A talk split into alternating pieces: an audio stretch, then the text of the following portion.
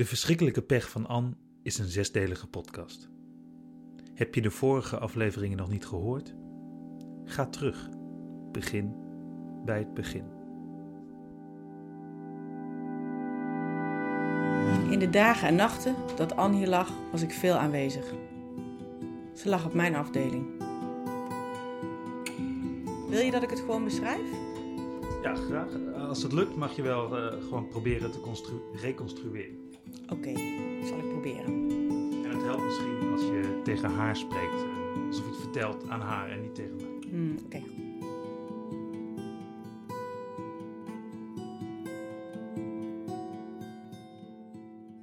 Het is één jaar na de feiten. Eén jaar na die avond die ons nationale trauma zou worden. Voorgoed in het collectieve geheugen gegrift. Of geramd eigenlijk. In deze zesdelige podcastserie vertellen we het verhaal van Anne. En op de achtergrond reconstrueren we nog één keer die avond. Let op, dit is geen true crime podcast. Hoe true de crime natuurlijk ook was. Dit is het verhaal van Anne.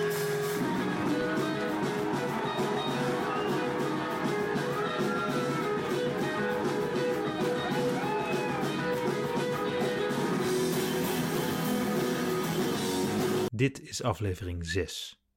De slotaflevering. Bea. Ik werkte tijdens die gruwelijke nacht. Ik kan bijna niet geloven dat het al een jaar geleden is. Het is zo bizar hoe snel dat gaat. Ik weet nog zoveel, alsof het gisteren was. Ik was er tijdens die nacht, toen het gebeurde. Ook in de dagen en nachten die volgden was ik veel in het ziekenhuis. Achteraf was het misschien voor ons, voor mij en mijn collega's, ook een beetje ongezond. Al die dubbele diensten. Maar je gaat niet naar huis als je zo hard nodig bent. En het was gewoon ook echt even alle hens aan dek. Het voelt al een jaar alsof alles zich gisteren voltrok. Ik herinner me het moment dat Anne werd binnengereden.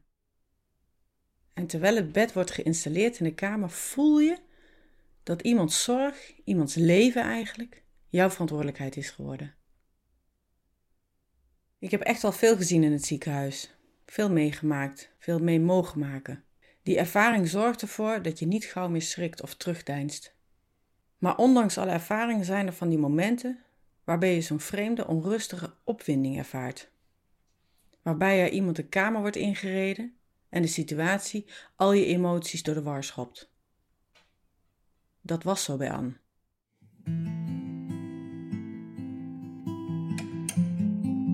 Er werd een prachtige vrouw binnengereden. Een jonge vrouw.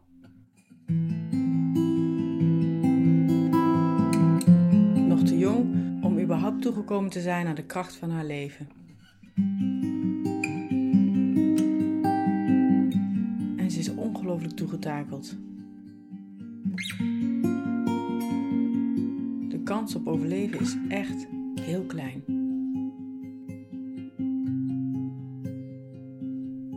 En eigenlijk weet je het al.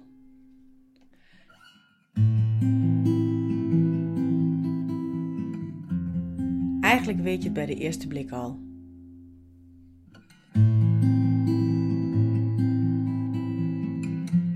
Ik was erbij toen ze 25 werd. Ik was erbij toen ze later die dag geen feest vierden, maar afscheid namen.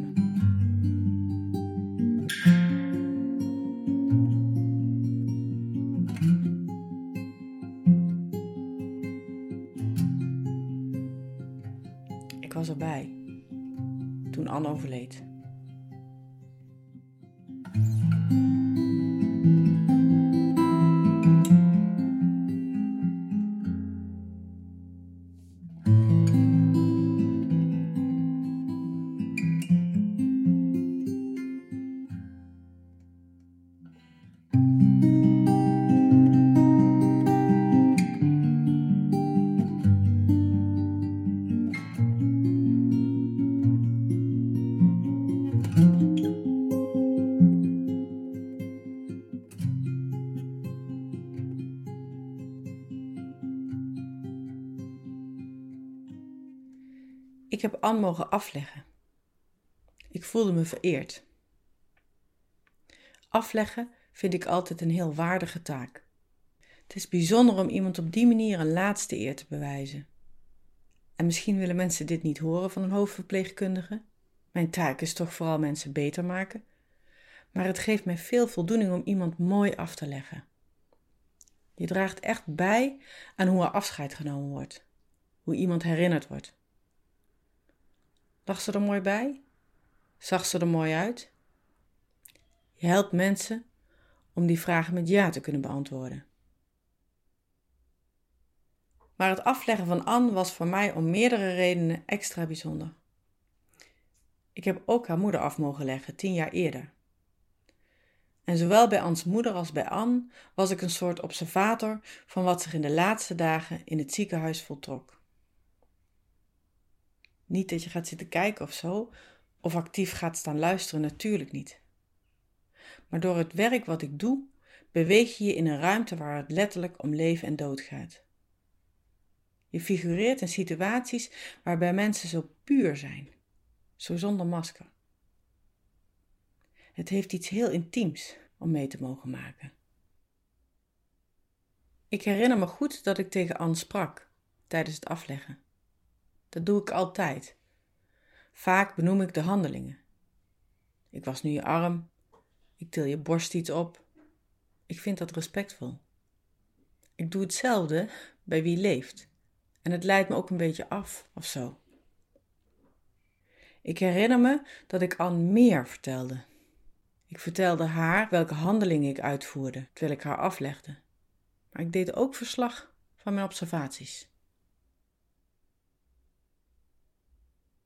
En misschien, misschien herinner ik me Anne ook zo goed, omdat haar verhaal ook over mij gaat. Over wat haar verhaal voor mij symboliseert en wat ik nou vind van zulke situaties. er is een afgrijselijke ramp gebeurd. Een volslagen gek is schietend een concertzaal ingelopen. Het is gruwelijk.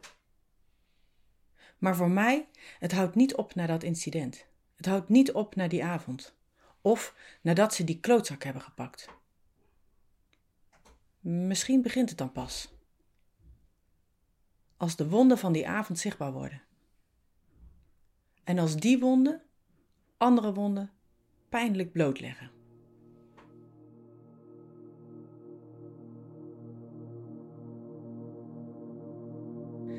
Ik glij met een vochtig papieren washandje over je wang. Dat doe ik op de dag dat je 25 bent geworden. Op de dag dat je maar 25 bent geworden. Ik weet niet wat ik ervan vind dat je op je verjaardag. dat ze de beademing stopte op je verjaardag.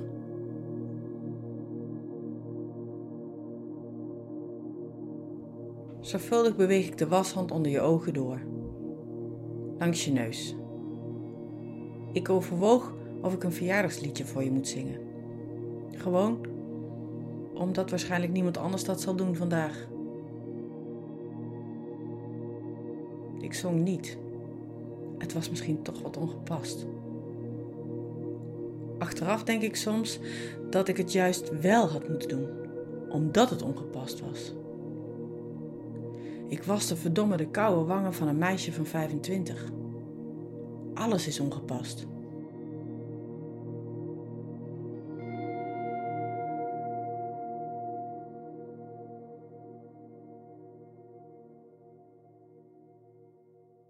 Weet je wat het is? En misschien moet ik dit helemaal niet vertellen. Omdat iedere keer als ik dit bespreek het me gedoe oplevert. De laatste maanden heb ik er eigenlijk alleen nog met vrienden en familie over gehad. Stom eigenlijk. Maar ik heb er niet echt zin meer in. Te vaak werd me verweten dat ik die vreselijke avond probeerde te bagatelliseren. Dat ik die onbeschrijfelijke tragedie van een klootzak die een popzaal inloopt met een automatisch wapen probeer af te zwakken. Dat is geen zins wat ik probeer. Wat er gebeurde is barbaars en vreselijk maar vooral verschrikkelijke pech. De verschrikkelijke pech van Anne. Ik heb nu ook weer het gevoel dat ik me moet verantwoorden voor hoe ik dit zie. Ik begrijp heus wel dat we een collectieve verbijstering en schok ervaren. En dat we een behoefte voelen om te reageren, om afschuw uit te spreken. Omdat er zaken gebeuren die we niet kunnen bevatten. We willen rouwen, omdat er iets is gebeurd wat niet bij ons hoort te gebeuren. We kondigen zelfs nationale rouw af. Maar wat we niet doen, is rouwen. Daarvoor is ons perspectief helemaal verkeerd. Rouwen gaat over slachtoffers. Rouw is bedroefdheid om wie overleden zijn. Wat wij doen, is al onze aandacht storten op de daden. We hebben een volledig onjuist perspectief. We moeten niet de herinnering aan die aanslag levend proberen te houden. We moeten levend houden wie daar overleden.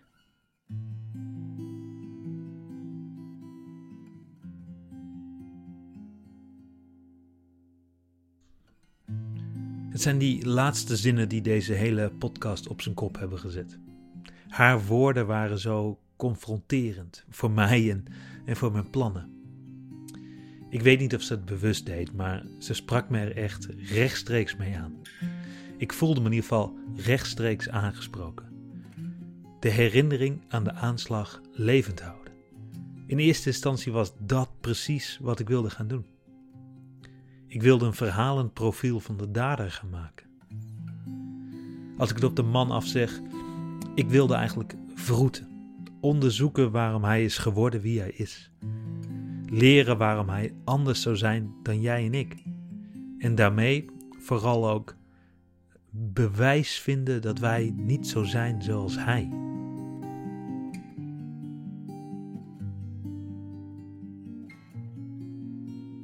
Een paar maanden geleden verschenen de jaaroverzichten. We vonden zijn naam op zoveel plekken terug. Soms met alleen de eerste letter van zijn achternaam, maar vaker met zijn voor- en achternaam volledig uitgeschreven. Tijdens mijn vroege brainstorm sessies voor deze podcast was een van de eerste dingen die ik op een post-it schreef zijn naam. Van zijn slachtoffers kende ik alleen het aantal: 15. Hij maakte 15 dodelijke slachtoffers. Waaronder Anne. Bea's woorden brachten mij en mijn podcastplannen resoluut terug naar de tekentafel. Om het verhaal anders en vooral beter te gaan vertellen. Bea's woorden waren uiteindelijk de reden om aan iedere aflevering een disclaimer mee te geven. Dit is geen true crime podcast. Hoe true de crime natuurlijk ook is. Dit is het verhaal van Anne.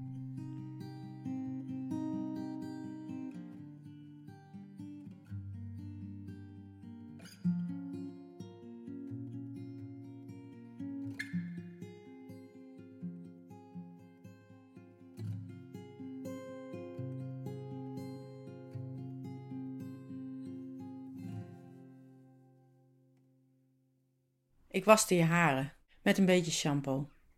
Met een handdouche spoelde ik het uit. Ik kamde het. Nu ik eraan terugdenk, voel ik weer je haren in mijn hand.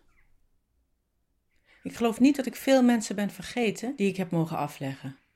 Maar Anne is me meer bijgebleven dan anderen. En eigenlijk niet eens om wat er die avond gebeurde in die zaal, al zal ik dat ook niet licht vergeten. Maar Anne stond voor mij voor iets anders.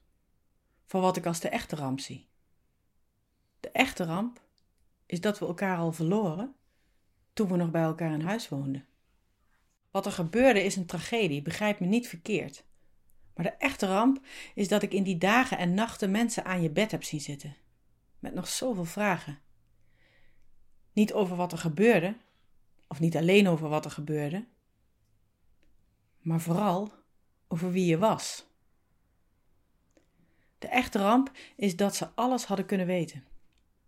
Als jullie gepraat hadden. Als jullie elkaar vragen hadden gesteld. Ik zag mensen bij elkaar in een ruimte zitten. Mensen die samenleefden en samen zoveel meemaakten. Maar geen idee meer hadden van elkaar. Wie ze zijn. En dit is waar we het met elkaar over moeten hebben. Als deze verschrikking iets zou kunnen opleveren, is het dat we daarvan leren. Maar dat is niet wat we doen. We proberen te leren van het verkeerde.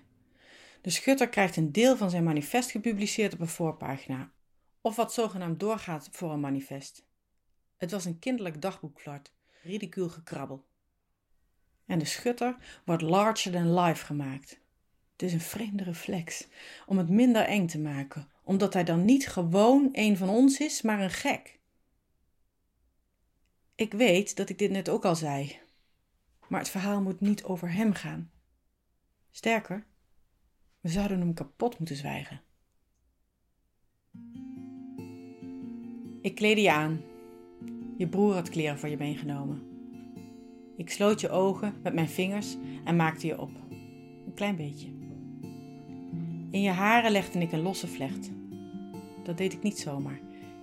Ik had het vet zien doen. In het begin, toen ze die eerste uur aan je bed zat. Ze had je haar iets naar voren getrokken voor zover dat kon. En in het laatste stukje legde ze een losse vlecht. Ik deed het precies zo. En ik legde hem aan één kant. Hier zo, op je schouder. Het was mijn geheime eerbetoon aan Yvette. Ans vader en broer hadden geen idee wie Yvette was. Margot wist het ook niet. Ik vond dat zo'n droevige situatie. Van alle mensen die er die dagen en nachten waren, was Yvette met afstand de persoon die jou het beste begreep, die jou het beste kende. En niemand kende haar, blijkbaar. Ze bestond niet. Dat was geen keuze. Ze werd niet genegeerd of zo. Ze kenden elkaar gewoon niet. Ik sprak af en toe met Yvette in die dagen, in mijn pauzes. Of ik nodigde haar uit om met me mee te wandelen als ik even iets moest halen of zo. Het waren korte momenten. Maar ik leerde genoeg van jullie verhaal om te begrijpen dat jullie elkaar in ons laatste maanden gelukkiger hebben gemaakt. De laatste keer dat ik Yvette sprak, was ze in paniek. Ze was haar schetsblok kwijt verloren in de wachtkamer waarschijnlijk. In dat schetsblok maakte ze haar laatste tekeningen van jou. En nu was ze die ook verloren.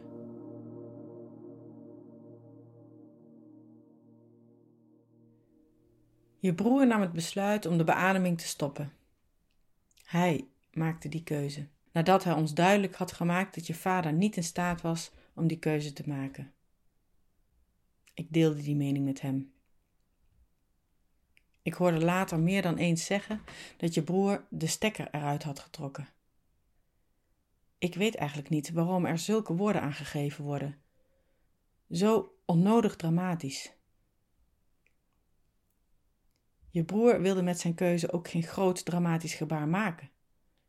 Hij wilde je simpelweg helpen, Anne. Misschien gebruiken mensen die woorden nog om zijn daad iets heldhaftigs te geven of zo. Heldhaftig in de filmische zin van het woord, denk ik dan. Het is een misvatting dat keuzes zoals je broer die maakte op zo'n manier heldhaftig zijn. Ik denk dat ik geen sensatiebeluste podcastmaker ben. Maar toch, ergens is er toch altijd een zoektocht naar zo'n dramatisch gebaar of naar heldhaftigheid. Omdat zo'n moment, ook in het verhaal wat je vertelt, echt een, climax kan zijn. Als maker ben je toch vooral bezig het verhaal zo goed mogelijk te vertellen. Delen van het verhaal mogen dan ook best even een beetje uit de bocht vliegen, emotioneel. Dat geeft het ook meer gewicht of zo. En soms zoeken we zelfs ook naar zulke momenten, naar climaxen. Want we moeten mensen ook gewoon prikkelen om te blijven luisteren. Je wil ook dat je verhaal gehoord wordt. Maar dat betekent niet dat we heldhaftig moeten maken wat niet heldhaftig is. omdat we een verhaal moeten verkopen. De waarheid, of het juiste perspectief, is nog altijd het allerbelangrijkste uitgangspunt. Die grote dramatische gebaren die we uit films kennen, die bestaan in het echte leven eigenlijk niet. Ik heb het niet meegemaakt in ieder geval. En, en ook nooit gehoord. Niemand gaat op eigen houtje achter de daden aan. Niemand besluit om daar, dan, op dat moment ook uit het leven te stappen. Nee. Wat mensen doen, is naast het bed zitten. Pratend, soms, vaker zwijgend, meestal onbedaarlijk huilend. Ik leg niet zonder reden nadruk op die heldhaftigheid, of nou ja, die, die niet-heldhaftigheid. Bea's ideeën hierover openden me nog eens de ogen.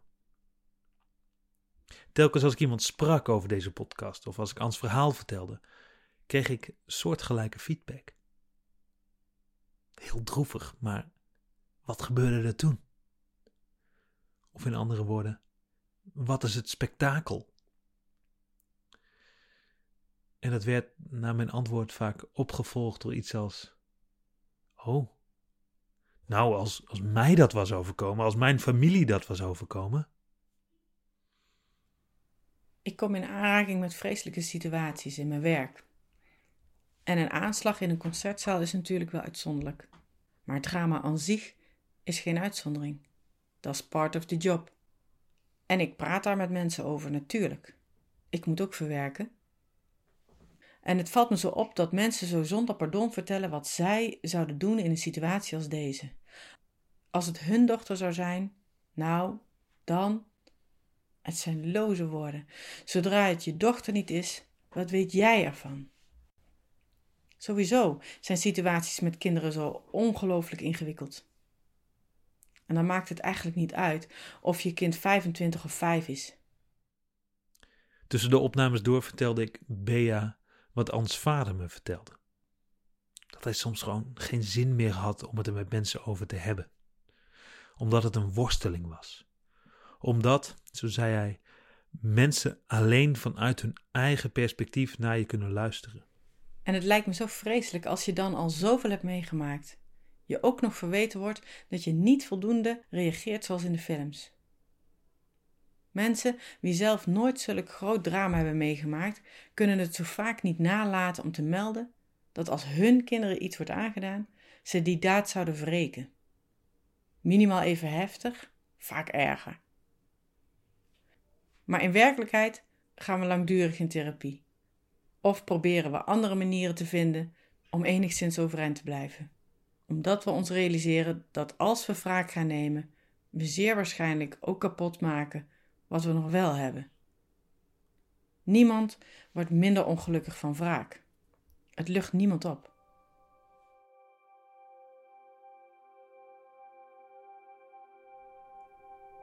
Je werd vanaf het bed overgetild in de kist. Heel voorzichtig werd je mond dichtgelijmd, je lippen netjes op elkaar. De kist zou niet open zijn bij de begrafenis. Je vader sloot later de kist, samen met je broer. Margot was erbij. Dat was bijzonder. Yvette was er niet bij. Dat vond ik verschrikkelijk. Want misschien was Yvette wel de enige die echt wist wie er in die kist lag. Anne werd weggereden. Ze werd naar een uitvaartcentrum net buiten de stad gebracht. In de wachtkamer stonden drie mensen: Hans vader en broer en Margot. Er werd niet echt gesproken, maar ze waren bij elkaar. En dat was jaren niet gebeurd, wist ik. In ieder geval niet samen met Margot. Ik probeerde te zien als een nieuwe start. Het zou moeizaam worden, maar er kwam een moment dat ze weer blauwe lucht zouden zien boven de regen. Even later zag ik Ans vader en Margot vertrekken. Ze liepen samen op.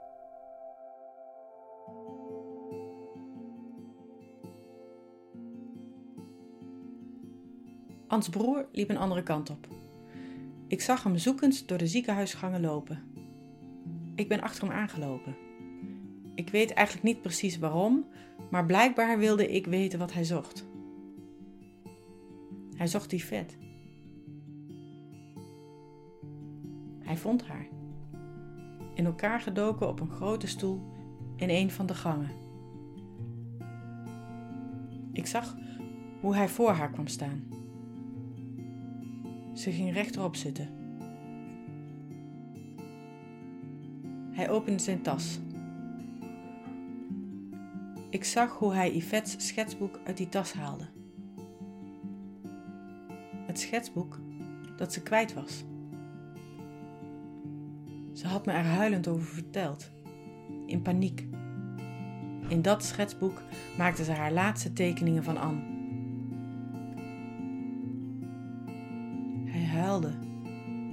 Het aan haar gaf. Ik denk dat hij zei dat hij het gevonden had, maar ik weet het niet zeker.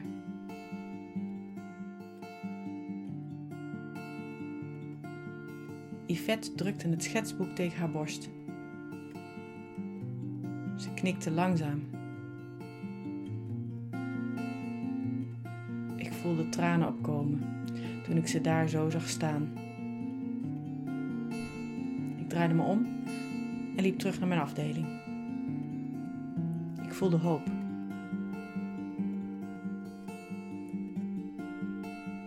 Misschien praten ze wel. Misschien praten ze.